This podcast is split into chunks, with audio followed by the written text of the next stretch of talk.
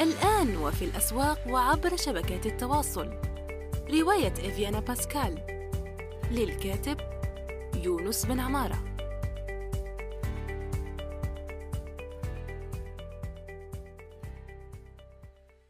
إن خير من استكتبت قلم قوي وفكر رصين.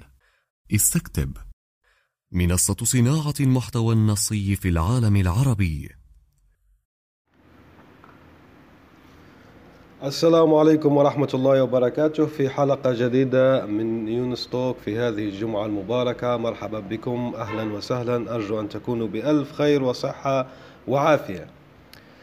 أه، بينما أنا أتصفح في الإنترنت وجدت أن أه، مجلة تبيان أو تبيين التي يصدرها المركز العربي للسياسات والدراسات نشر ورقة بحثية أعجبتني بعنوان حجاجية الترغيب في العمل والتحضيض عليه المثل الشعبي التونسي أنموذجا للباحث عبد الوهاب السويسي وعلى كل حال العنوان يبدو مخيفا وبحثيا وكذا لكن نحن هنا سوف نلتقط فقط الأمثلة الشعبية التونسية آه، ونذكرها. أنا أعيش حاليا في واد سوف وهي ملاصقة ومجاورة ومحاذية للبلد الشقيقة تونس العزيزة. لذلك يعني هناك بعض آه، ليس بعض يعني لدينا تراث مشترك كبير جدا وأغاني مشتركة كبيرة جدا وخصوصا الجنوب آه، التونسي. لذلك حتى النطق يعني نطق اللهجة السوفية يقارب اللهجة آه، التونسية. لكنهم ليس منطبقان يعني متقارب لكن ليسوا منطبقان وهذا ما سيساعدني على النطق الصحيح للأمثلة التي سنختارها. يبدأ الباحث كلامه بتنطلق هذه الدراسة من رؤية قوامها قوامها أن التراث الشعبي بما يشتمل عليه من فلكلور وعادات وتقاليد ظاهرة تاريخية يلتقي فيها الحاضر والماضي. سوف نذهب وهو على كل حال ملخص طويل لن نقرأه كله. أه سوف نبحث عن أه الأمثلة التي تحض على أه العمل التي يصغر بها التراث والفلكلور التونسي. الباحث قسم بحثه إلى عدة حجج يعني آه، آه، حجج هذه آه، قسم فيها الأمثال الشعبية منها حجة الأغلبية.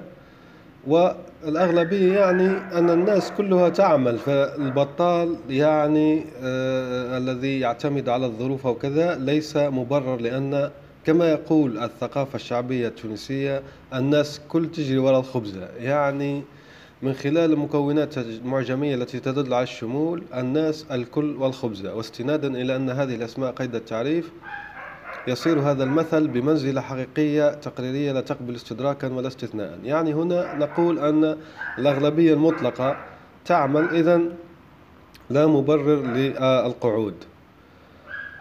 هناك الحجة الدينية أيضا ويدعم الباحث كلامه بآية استحضار آية وفي ذلك فليتنافس المتنافسون وبالآية من عمل صالحا من ذكر أو أنثى وهو مؤمن فلنحيينه حياة طيبة. هناك أيضا المثل الشعبي الآخر الله يجعل كل من زراعة يحصد والمثل الفصيح لكل عمل ثواب. نذهب إلى آه، المثل الآخر الذي يقول كول بعرق جبينك خير من اللي تبيع دينك. ويقول فيه الباحث آه، نعيده كول بعرق جبينك خير من اللي تبيع دينك.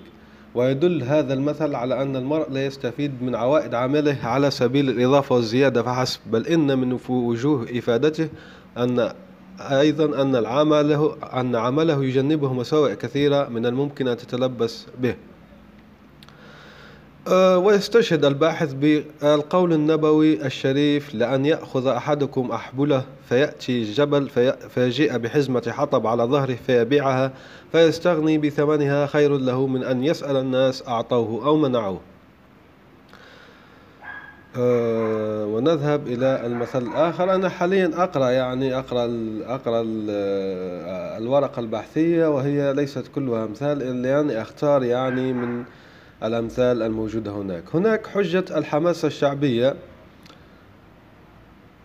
آه، ويرد في الأمثال كما يقول الباحث الخيل إذا تلجمت والرجال إذا تحزمت يعني عن الحماسة و آه، استحثاث المرء على التزام العمل منهاجا. الخيل إذا تلجمت يعني الخيل إذا أعدت لجامها وأعدت السروج وحضرت للعمل أو للحرب أو للسفر والرجال إذا تحزمت يعني للعمل. هناك يعني في المنطقة التونسية حاجة يسموها المنطقة التونسية والجزائرية على كل حال في الصحراء أخص يسموها رفع الرملة يعني رفع الرمال ويعني إزاحة الرمال عن منطقة معينة لغرس آه، نخلة ثم تكبر تلك المنطقة لتصبح واحة في آه، قابل الأيام. إذا هناك أيضا المثل الذي يقول شمر على ذراعك شمر على ذراعك وهو واضح لأن آه، يعني آه، شد حيلك كما يقول المشارقة أو آه، يعني but yourself together كما يقول الانجليش مان يعني شمر على ذراعك. هي على كل حال انجليش مان ليست دقيقة جدا في ترجمة هذه الملث لأنه يعني تمالك نفسك أو آه، استجمع قواك استجمع قواك أدق على كل حال. إذا شمر على ذراعك يعني اعمل قلب لنفسك. كما تقول اعمل على كل حال عندما نقول اعمل قلب يقول بعض أن هذه ليست فصحى وكذا هي موجودة في ألف ليلة وليلة ومعروف ألف ليلة وليلة أنها شعبية وليست يعني كتاب سيبويه لكن هنا لن ندقق جدا نحويا. نذهب إلى المثل الآخر الذي يدل على شدة العمل والحماس فيه وهو يحفر في الحيط بظفرة. يعني هذا العمل آه، يعني كناية كما يقول الباحث عن شدة المكابدة والعناد. هناك المثل الآخر أيضا الذي يقول اللي يحب اللولو يسهر الليل بكله يعني الذي يحب أن يجمع اللؤلؤ أو اللولو كما في النطق الشعبي يسهر الليل بكله يعني من طلب العلا سهر الليالي بقدر الكبد, الكبد تكتسب المعالي ومن طلب العلا سهر الليالي كما في القول المنسوب ل سيدنا الشافعي رضي الله تعالى عنه. هناك أيضا المثل آه، جانبي على كل حال آه، ويذكره الكاتب وهو كل شيء دواه الصبر إلا قلة الصبر. يعني الأعمال تتطلب الصبر وتتطلب الاستمرارية. وهناك مثل شعبي في واتسوفي يقول الدوام يحفي يعني معنى الدوام يحفي يعني هذا على كل حال مثل يمكن القول أنه آه، تعاطفي يعني. عندما يشتكي لك عامل يستمر يوميا في عمل شيء معين يقول لك تعبت أو كذا تقول له صح الدوام يحفي ربي عينك. ما معنى الدوام يحفي؟ يعني أن الدوام في فعل شيء معين كل يوم بشكل مستمر دون انقطاع يتعب المرء. يحفي هنا هي عبارة عن فعل يستعمل للسكين يعني السكين عندما يعمل يعمل بشكل كثير جدا وهذا يعرفه الجزارة يعني يحفي ويصبح غير ماضي أو قاطع إذا يعني يتعب كما يقال. هناك أيضا مثل آخر كما يقول الباحث وهو بكر تاكل السفنج يعني انهض باكرا ستأكل الفطائر. السفنج وهو عبارة عن فطيرة تعد في الصباح؟ آه، هي تعد من الفرينة يعني آه، هي عبارة عن دائرية ومعروفة في شمال إفريقيا تونس أيضا والمغرب. تونس يقولون لها الإسفنج في الشمال الجزائري أيضا بعض المناطق تقول لها الإسفنج والباقي يقولون لها فطائر يعني بالنطق الصوفي مثلا فطائر.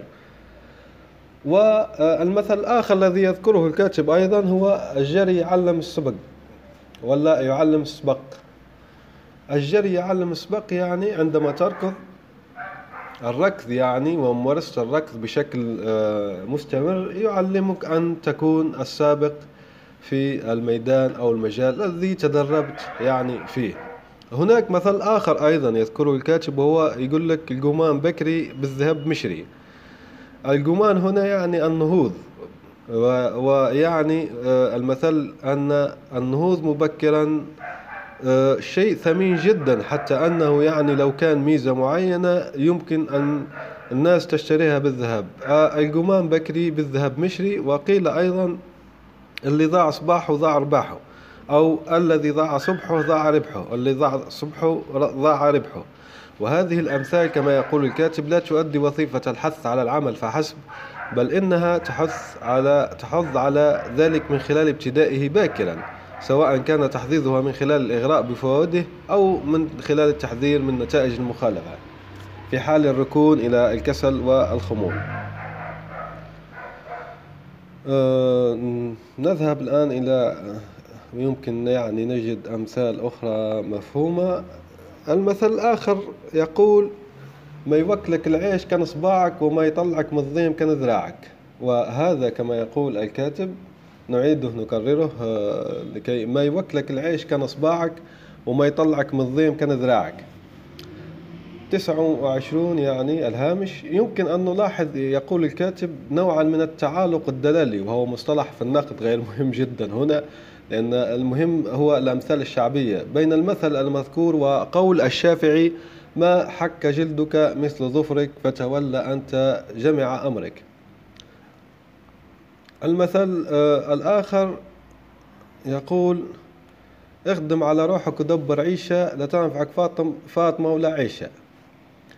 نعيده اخدم على روحك ودبر عيشة لا تنفعك فاطمة لا تنفعك فاطمة ولا عيشة.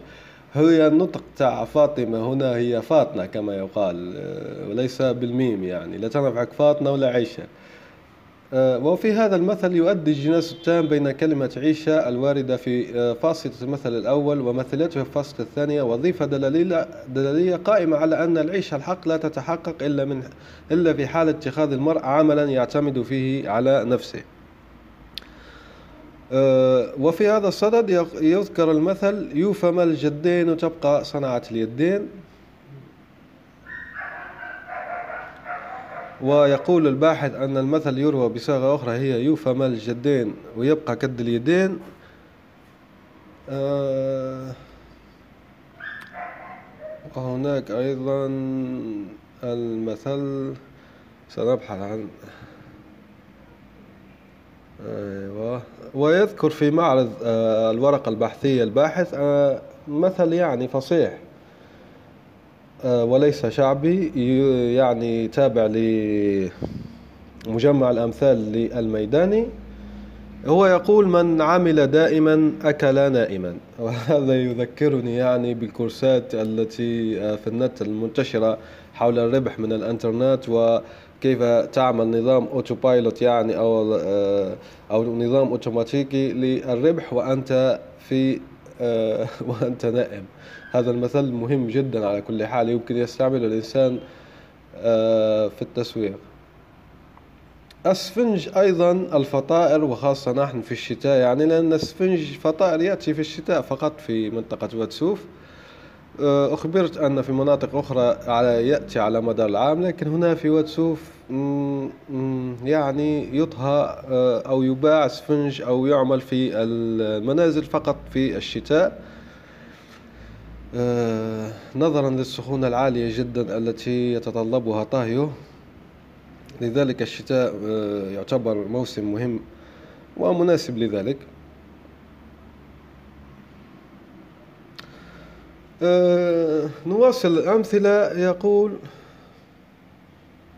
يقول مثل آخر هو اللي عنده الكعب يلعب كيف يحب ولا كيف ما يحب. اللي عنده الكعب يلعب كيف ما يحب. الكعب هنا آه، كما يقول وكما يعرف الذي يعرف العامية التونسية كما يقول الكاتب يعني كعبة اثنين ثلاثة هي في العد. كعبة معناها شيء واحدة. كما نقولوا وحدة وحدة زوز ثلاثة هي كعبة اثنين ثلاثة كما يقول التوانسة. إذا الكعب يعني هنا العمولات النقدية يعني العمولات النقدية اللي عنده الكعب يلعب كيف ما يحب. يعني اللي عنده المبالغ المالية تكون اللعبة لعبته والساحة ساحته والملعب ملعبه والكرة كرته كما يقال.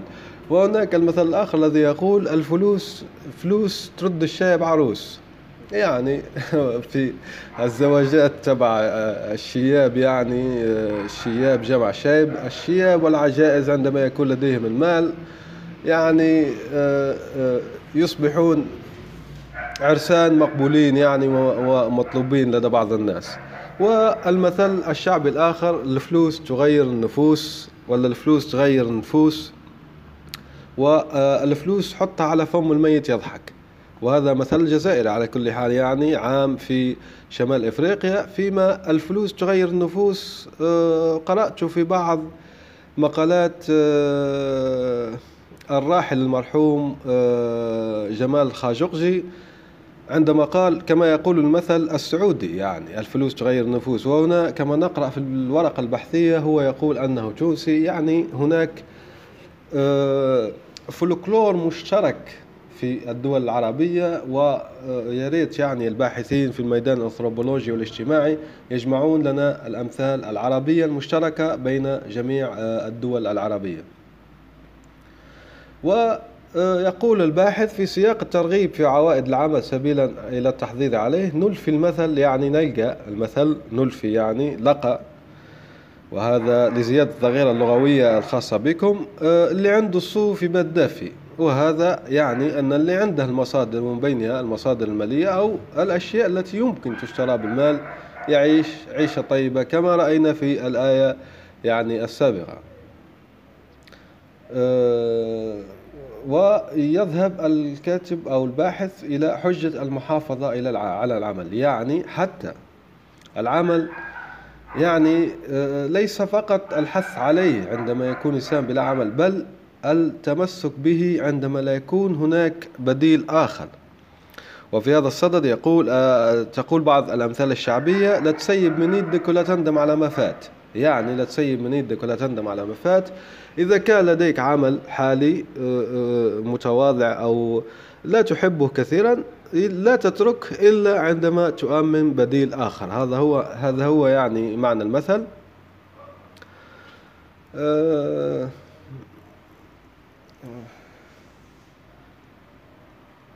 وكما يقول الباحث في هذا الصدد وقديما قالت العرب من ترك حرفته ترك بخته وبخته البخت يعني الحظ والزهر يعني وكما يقال النصيب والأشياء هذيك. هناك المثل الآخر أيضا اللي فرط يكرط اللي فرط يكرط يعني اللي فرط في العمل يكرط وجرى اشتقاق الفعل يكرط من الكريطة. الكريطة وهي آه، تدل كلمة الكريطة وهي من أصل إسباني كما يقول الباحث في هامش. في المغرب العربي على عربة ذات عجلتين لنقل البضائع وفي هذا السياق نجد كلمة carro. carro التي تعني عرب عربة ذات أربع عجلات مخصصة إما لنقل الأشخاص أو البضائع.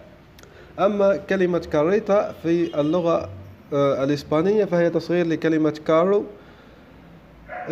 بنفس المعنى يعني هي تصغير يعني عربة ذات أربع عجلات تكون عربة ذات عجلتين وذكر المرجع الذي أخذ من هذه المعلومة. إذا اللي فرط في عمله الحالي يمكن أن آه، يسقط به الحال أو تتدهور أحواله لكي يولي يعمل في أعمال آه، المجتمع يراها يعدها يعد يعدها وضيعة كما يقال الكاتب ومن ثم يناله منها ضراء من ناحيتين إحداهما مادية والأخرى معنوية نظرا لنسبته إلى مهنة يعدها المجتمع وضيعة نواصل في آه، رؤية الأمثلة نقرأ هنا حجة المقارنة بين هناك حجة أخرى وهي حجة المقارنة بين حال العامل وحال العاطل. في هذا الصدد هناك آه، مثال يسمى يذكره الكاتب هو أخدم القرداش ولو بلاش. يعني أخدم القرداش ولو بلاش. القرداش هي أو هنا في واتسوف نسموها القرداشة. وهي أداة تقليدية مكونة من لوحين آه، دقت فيهما مسامير وتستعمل لتمشيط الصوف. وعادة ما هذا الإضافة من عندي يعني عادة ما تستعملها النساء الكبيرات في السن وبالأخص العجائز يعني القرداشة. والقرداشة تحولت في واتسوف يعني من أداة كما ذكرناها هنا إلى آه، صفة سيئة للنساء اللائي آه، يمارسن النميمة وغيبة كثيرة. يعني لأن هي أداة تقليدية فيها مسامير كبيرة جدا يعني مسامير كثيرة لتمشيط الصوف. فيسمون المرأة التي لسانها سليط وانتقادها انتقاداتها حادة وغيبتها كثيرة بالقرداشة نظرا نظرا لتشابه آه، الأمرين. وأما كلمة بلاش فهي كما يقول الكاتب فلعل أصلها بلا شيء أي من دون مقابل يعني مجانا gratuit كما يقول الفرنسي. المثل الآخر هو اخدم سوردي وحاسب البطال. اخدم سوردي وحاسب البطال. سوردي هو عملة. وكما يقول الكاتب في الهامش والأرجح أننا أخذنا هذه الكلمة من اللغة الإيطالية أو بالأحرى من إحدى اللهجات آه، الإيطالية المحلية حيث يستعمل الإيطاليون اليوم كلمة soldi باللام للدلالة على المال أو النقود ومفردها soldo وهي قطعة نقدية صغيرة تعود إلى أواخر القرن الثامن عشر وهي جزء من عشرين من الليرة الإيطالية.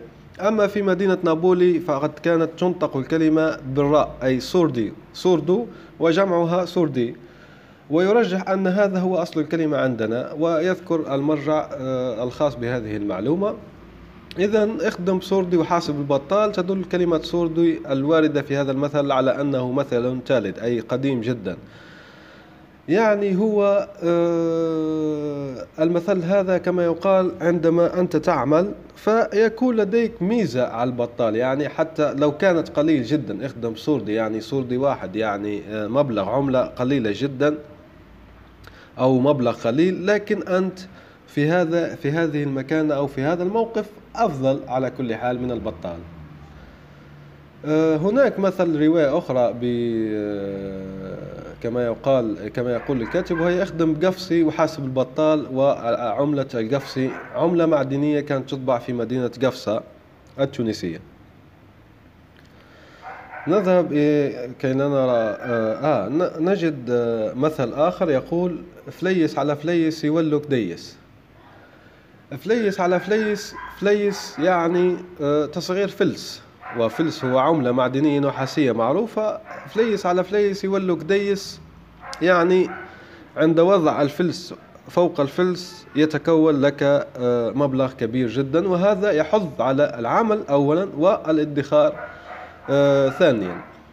وهذا أيضا يمكن أن نجد له مقابل في آه، الأمثال الشعبية الجزائرية التي يقول يقول أحدها قطرة قطرة تحمل الوديان يعني بالقطرة بالقطرة تتكون السيول الكبيرة. هناك مثل آخر أيضا آه، يذكره الكاتب وهو كعبة مع كعبة آه، تحصل ويبة كعبة مع كعبة تحصل ويبة يعني ويبة هو آه، مكيال شعبي مقداره ضعف القلبة. والقلبة هي أيضا مكيال مكيال معين وهو كعبة مع كعبة كما قلنا التونسيون يقول كعبة يعني وحدة من شيء ما وهي تنطبق على كثير من آه، الأمور يعني. كعبة واحدة يعني شيء وحدة معينة من شيء ما. عندما نقول عندما تذهب يعني إلى المحل تقول له أعطيني كعبة حلوى إذا يعطيك آه، قطعة واحدة من الحلوى كعبتين يعني قطعتين أو ثلاثة كعبات يعني ثلاثة وهي آه، وهكذا. يعني نفس هذا المثل ينتمي إلى نفس آه، المثل السابق. يواصل الكاتب تحليله لهذه آه، الأمثال. سوف وأنا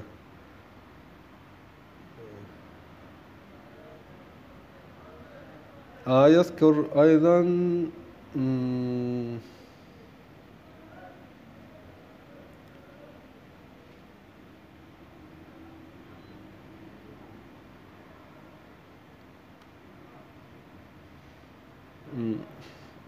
يذكر أهجوزة شعبية طريفة نوعا ما عن وهي آه، تنتقد الرجال الذين آه، لا يعملون ويجلسون في المقاهي بينما الزوجة تعمل عنهم. للأسف الظاهرة بدأت تنتشر في البلدان العربية. سوف أحاول أن أقرأ بشكل صحيح هذه الهجوزة الشعبية. والتي تقول رجلها ما عرفتش وينه لا يخجل لا يوطي عينه يمشي يمشي يقعد في الكازينو من الصبح للعشوية. وهي تقاسي تقاسي همه بينه تخدم وتجيب الشهرية. نعيدها رجلها ما عرفتش وينه لا يخل... لا يخجل لا يوطي عينه يمشي يقعد في الكازينو من الصبح للعشوية وهي تقاسي همه بينه بينه يعني الفراغ تخدم وتجيب الشهرية. الشهرية يعني الراتب آه، الشهري. آه، أعتقد أن الكاتب يذهب الآن إلى إلى الخاتمة والخلاصة والكاتب عمل عمل جيد جدا يعني هنا لأنه حلل ودعم تحليلاته بالعديد جدا من المراجع و المراجع والإحالات المفيدة جدا. أنصح بها سوف أضعه على كل حال. أضع أعتقد أن يعني قلنا أكثر من عشر أمثال شعبية من التراث أو الفلكلور التونسي الغني والثري جدا. آمل أن أكون قد أفدتكم سوف أضع رابط هذه الدراسة المهمة آه، في التدوين التابع لهذه الحلقة. ما زلت أستقبل آه، رسائلكم على صراحة وعلى البريد الإلكتروني. شاركوا هذه الحلقة مع زملائكم وأصدقائكم ومن ترونه يعني سيستفيد منها. شكرا لكم جمعة مباركة. إلى اللقاء. سلام. الآن وفي الأسواق وعبر شبكات التواصل. رواية إفيانا باسكال. للكاتب يونس بن عمارة.